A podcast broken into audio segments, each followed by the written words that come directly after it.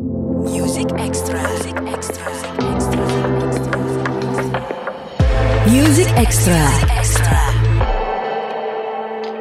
Halo semua, hadir lagi Music Extra barengan saya Reno Aditya dan seperti biasa kita akan ngajakin good friends untuk kenalan sama musisi-musisi yang mungkin ada yang udah kenal, ada yang belum kenal, ada yang baru atau ada yang udah cukup lama berada di industri musik Indonesia. Tapi yang satu ini dia adalah penyanyi baru. Um, suaranya tuh unik banget, mengingatkan gue ketika gue mendengarkan lagu-lagunya ya uh, sama musisi tahun 80-an gitu.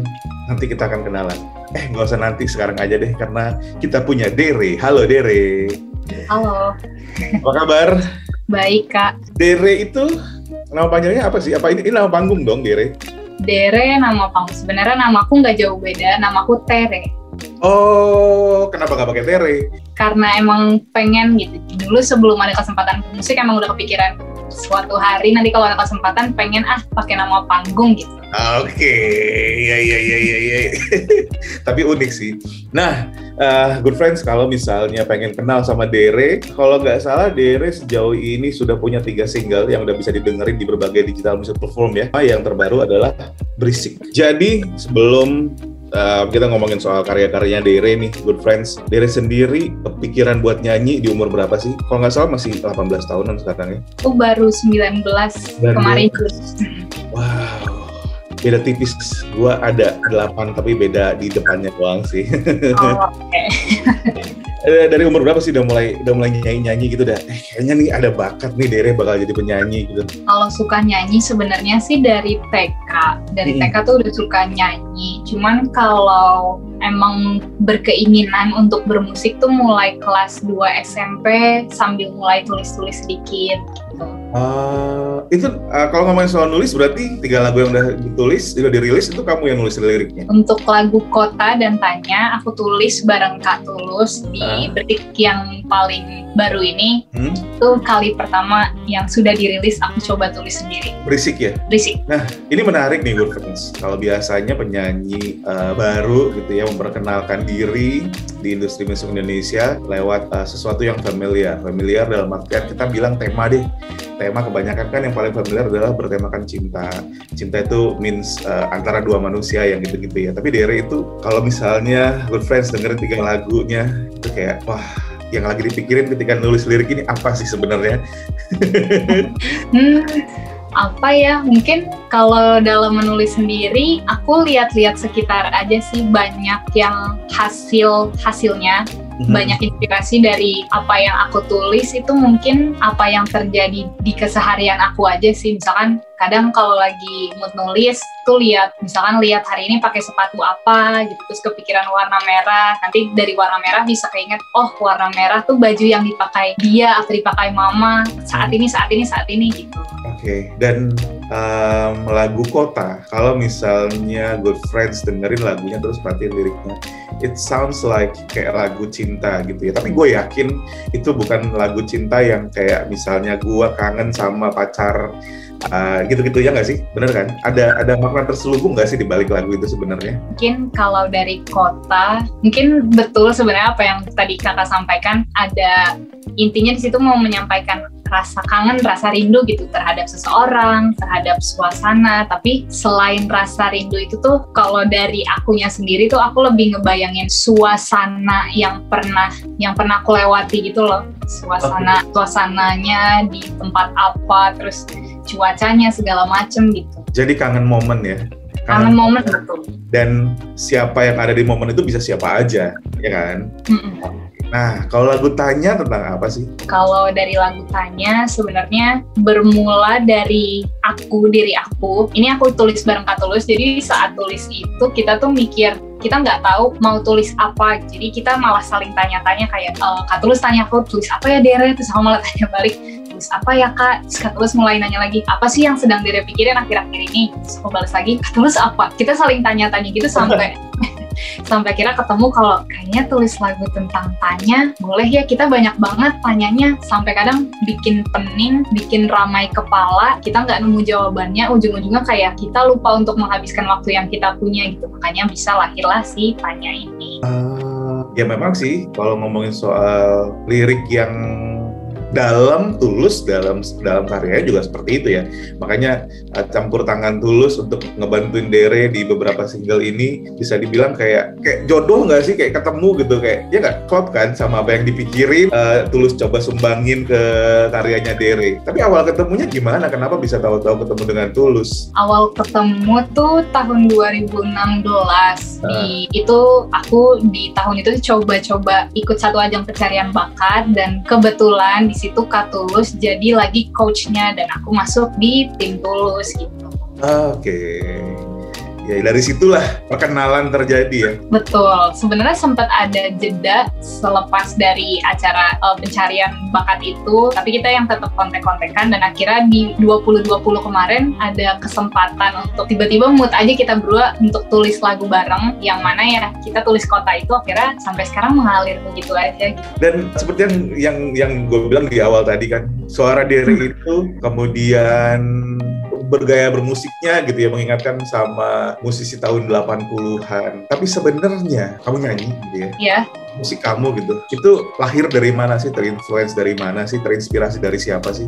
Hmm, mungkin aku macem-macem sih. Mungkin yang kalau aku rasa-rasa sekarang campur-campur karena mama papa tuh kadang bisa hari ini misalkan dengerinnya tuh lagu Batak atau apa gitu. Terus keesokan harinya terus dengar Gees jadi itu juga jadi input juga. Terus banyak kakak-kakak aku juga mungkin banyak dengar lagu kayak All City, terus Avril dan banyak sih banyak banyak sekali input yang kadang aku juga mikir kayak sebenarnya titiknya tuh dari mana? Aku bingung tapi mungkin karena ramai genre-nya banyak mungkin yang didengerin juga banyak jadi ke akunya juga jadi suka explore terus yang didengerin juga nggak berpaku sama satu satu genre aja mungkin tapi benang merahnya musik kamu itu apa sih? Seperti apa sih yang pengen Diri tawarin? Kalau musik yang aku buat, hmm. kalau dari uh, kemasannya mungkin untuk sekarang aku banyak dengar pop, mungkin pop pop juga. Cuman untuk ke depannya aku sangat amat ingin lebih explore ke mana-mana juga sih. Tapi yang tetap pengen aku pertahanin dan konsisten supaya apa yang aku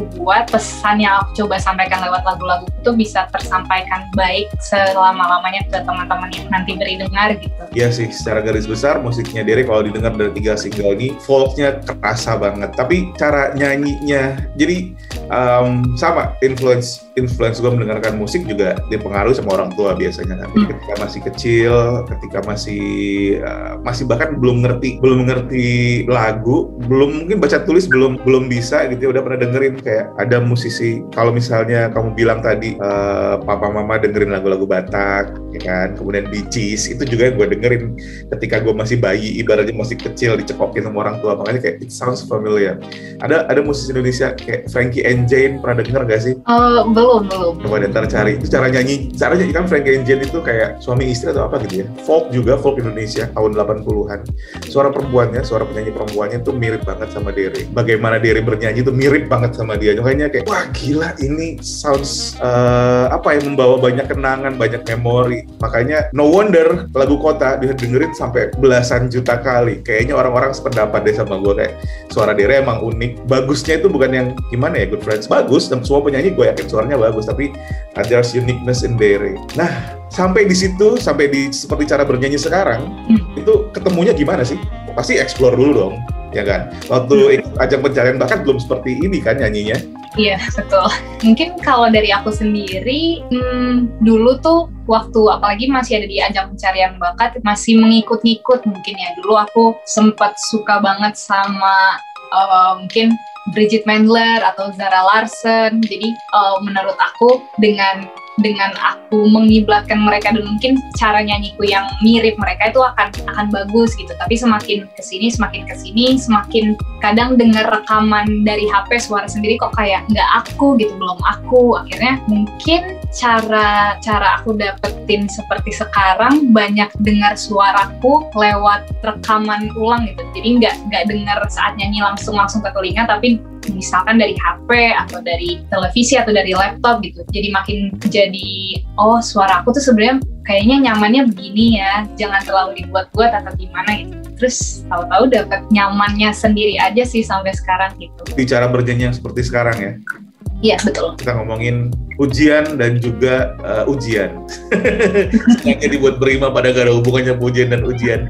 Ujian yang paling diri inget sekarang apa sih? Soal lagu kamu, soal cara kamu bernyanyi gitu yang, ih gue gue gak nyangka nih akan dipuji seperti ini gitu sama siapa pun. Um, mungkin se sejujurnya semuanya sih lebih ke kalau mungkin kalau pujian setiap pujian orang mungkin yang aku lihat tapi dari orang banyak gitu datangnya karena dulu sebelum ada kesempatan bermusik dan bisa dapat kesempatan untuk rilis kota, aku tuh nggak nggak ngebayangin kalau satu hari bisa punya karya yang dikomentari banyak orang, terus bisa dapat pujian gitu. Jadi pas saat kota rilis, terus aku juga suka baca-baca komen di Instagram, terus komen-komen di YouTube, kaget gitu. Banyak yang beri pujian kalau kayak lagunya bagus terus aku jadi ikut rasa ini terus ada yang ikut menceritakan cerita mereka terus uh, banyaknya komen-komen dan pujian itu dan apresiasi itu yang bikin aku kayak ah ternyata suka ya teman-teman oh ternyata bisa sampai ya pesannya itu yang bikin kaget sampai hari ini sih masih suka kayak seneng gitu kalau baca-baca komen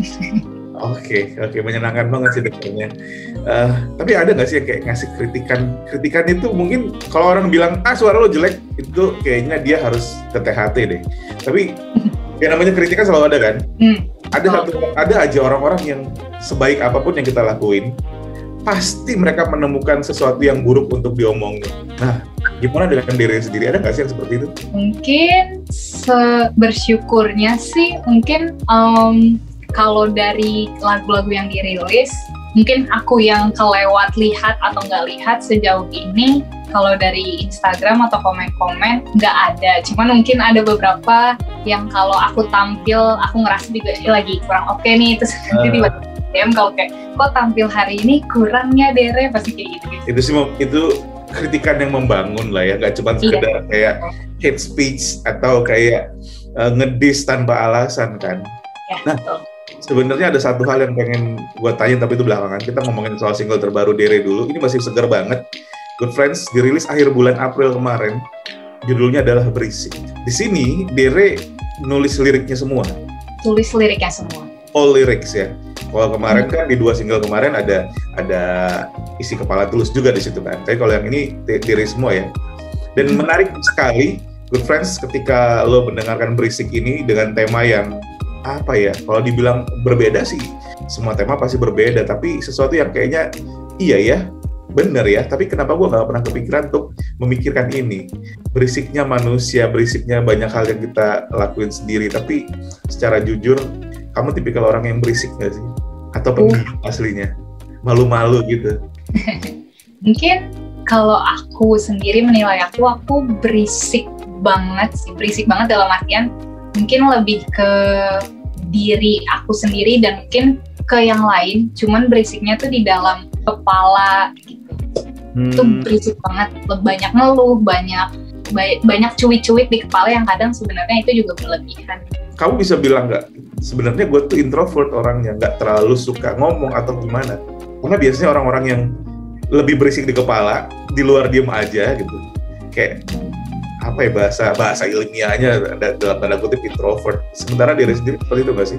Mungkin iya kayak kayaknya ya mungkin sejujurnya banget kalau untuk untuk uh, melabeli diri aku introvert atau extrovert uh, mungkin aku pun kayaknya introvert. Cuman kayak tadi aku bilang berisik di kepala kadang ngaruhnya juga bisa jadi jadi ke tindak aku yang jadi aneh atau karena kan berisik di kepala misalkan salah satu contohnya adalah misalkan aku kemudian hmm. di saat aku kemudian itu bisa outputnya bisa jadi aku ikutan bete ke orang lain orang lain bisa jadi merasakan dampak dari keberisikan aku di kepala terus misalkan aku yang kemudian bisa jadi melakukan hal-hal yang seharusnya bisa nggak terjadi gitu atau misalkan aku yang lagi marah di dalam terus nanti outputnya bisa jadi jelek juga keluarnya dan dirasakan orang lain tuh bisa bisa jelek bahkan bisa dirasakan hewan atau lain-lainnya gitu.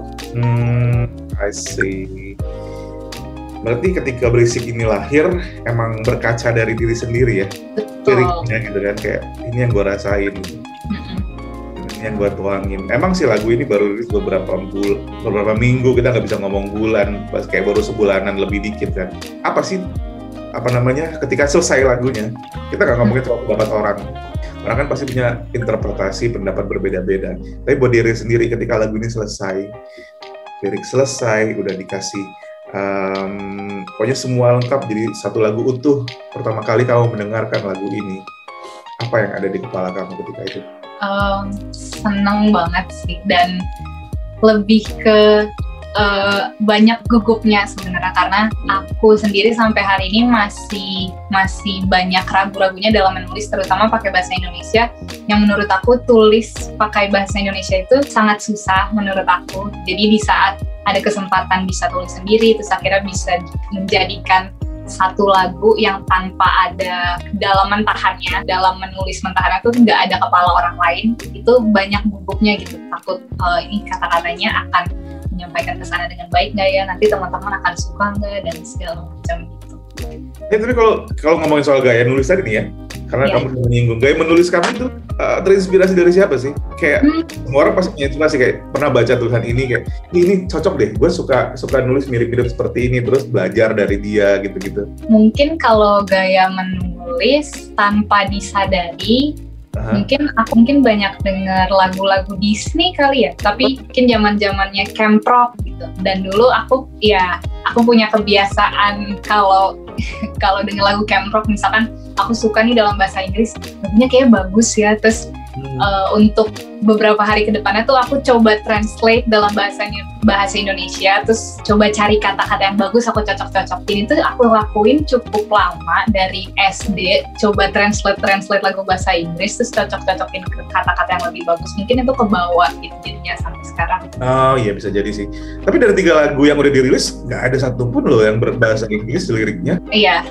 Tahan dulu atau emang kayaknya enggak deh kalau untuk saat ini? Gimana sih Mungkin kalau dari kalau aku sih sepertinya enggak sih. Aku lagi lagi suka banget tulis sesuatu dalam bahasa Indonesia dan malah ke depannya pengen belajar lagi tentang bahasa Indonesia karena ternyata bahasa Indonesia itu susah banget dan kalau udah dapet apa ya dapet gregetnya dapet gitu itu tuh jadinya indah banget. Oke. Okay. Oke okay, oke, okay. setuju banget, setuju banget karena banyak banyak yang bilang penyanyi musisi-musisi itu ternyata bikin lagu dalam bahasa Indonesia itu lebih sulit daripada uh, dalam bahasa Inggris yang lagu lirik yang paling sering dibuat gitu ya selain bahasa Indonesia. Jadi saat ada yang menulis dengan lirik bahasa Inggris bukan berarti dia sosokan, mungkin dia nggak jago nulis dalam bahasa Indonesia kan lebih susah. ini nih satu nih, kalau kalau Good Friends merhatiin buka digital music perform gitu ya, uh, kan ada ada tiga lagu dari Kota, Tanya, dan Berisik perhatikan cover lagunya, cover singlenya. Kalau menurut gue, there's akan ada lagu-lagu lain setelah berisik karena proses berpalingnya menolehnya dari belum selesai. Benar gak sih? hmm, betul. Sepertinya. Kok sepertinya? Ini pasti karena nggak boleh dibocorin nih. Mungkin aku sih uh, sedang coba sekarang sedang coba susun album sih. Oke. Okay. Oke oke oke. Jadi eh, di album nanti posenya menghadap ke depan ya, kayak shot gitu ya. mungkin bisa jadi. Atau mungkin ada belakang karena ada putranya sudah 360 derajat. Sudah kelewat. iya. Tapi itu uh, idenya dari mana sih? Apa itu, ada memang atau kayak ide kamu gitu? Itu idenya itu uh, dari Katulus dan Bang Davi. Jadi untuk uh, cover art lagu-lagu aku juga aku dapat kesempatan untuk bisa kerja sama bareng Davi Linggar. Hmm. Terus jadi waktu foto-foto untuk awal-awal itu tuh emang tiba-tiba kecetus aja gitu pikiran Bang Davi sama Katulus kayaknya bagus ya kalau foto sedikit-sedikit dan akunya juga pengen punya cover art yang nggak langsung jet dere gitu tapi kayak pengen sedikit sedikit kayak siapa nih siapa nih gitu kayak dipirit-pirit gitu loh ngerti gak sih yeah. aduh. Tapi itu um, unik uniqueness hal detil detil kecil seperti itu ternyata banyak apa ya berdampak atau berefek orang kayak akan bertanya-tanya ini pasti mau ngapain lagi nih setelah ini nih? Nah ternyata benar kan? Akan ada kemungkinan Terry merilis album. Kita nggak akan tanya dalam waktu kapan sih karena dia akan terjawab sendiri. Tapi kalau ngomongin soal album perdana untuk seorang penyanyi baru itu akan jadi hal yang sangat besar ya kan? Bisa punya satu dua lagu yang didengerin ke orang lain aja udah luar biasa apalagi kalau album. Nah ngomongin soal album kalau Dere boleh ngomong gitu ya album Dere nanti dalam satu kalimat pendek akan seperti apa sih? Akan jadi album yang seperti apa? Satu kalimat pendek akan jadi album seperti apa? Mungkin hmm, ini semoga ya ini harapanku juga sih. Semoga semoga bisa jadi satu album yang mungkin teduh gitu. Album yang teduh uh, dengan tema yang dari tiga lagu tadi yang udah dirilis saja udah beragam sekali walaupun terusnya adalah lebih ke ke keresahan sih ya keresahan rasa kangen uh, rasa bingung rasa apa ya rasa kesal berisik itu sebenarnya mungkin kekesalan diri sama diri sendiri benar gak sih? Kayak berisik banget nih gini gini nah berarti album ini akan berisik keresahan keresahan yang sebenarnya kalau didengarkan itu akan membawa pencerahan nantinya benar ya? Benar benar. Mikir loh itu tadi ngomongnya seru banget. Uh, good friends, jadi kalau misalnya lo pengen dengerin sesuatu yang berbeda, karena percayalah di di zaman sekarang musisi Indonesia itu keren-keren, mereka punya karya yang berbeda-beda dan Derry adalah salah satu highlight yang harus lo dengerin. Mulai dari kota, tanya, berisik, nggak cuman notasi yang menyenangkan buat didengar atau nggak sekedar dalam tanda kutip beda aja, tapi liriknya juga dalam banget. Untuk anak yang baru berumur 19 tahun, ketika membaca atau mendengarkan lirik-liriknya Dere itu kayak gila umurnya masih 19 tahun tapi masalah hidupnya kayaknya banyak banget ya gitu. eh tapi Dere sekarang lagi dengerin apa sih? Musik lagi denger banyak dengerin ulang All City sih bagus All banget. City.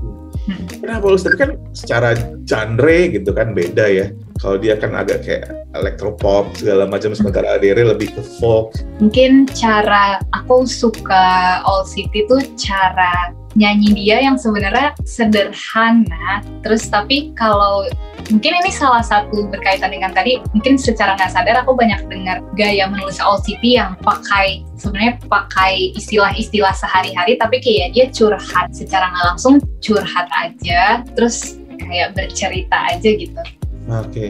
Dan notasinya All City itu dapat banget di kuping orang Indonesia sih. Notasi-notasi orang Indonesia banget tuh. Makanya sempat laku berat kan di Indonesia. well, ah, seneng banget bisa kenalan sama Dere.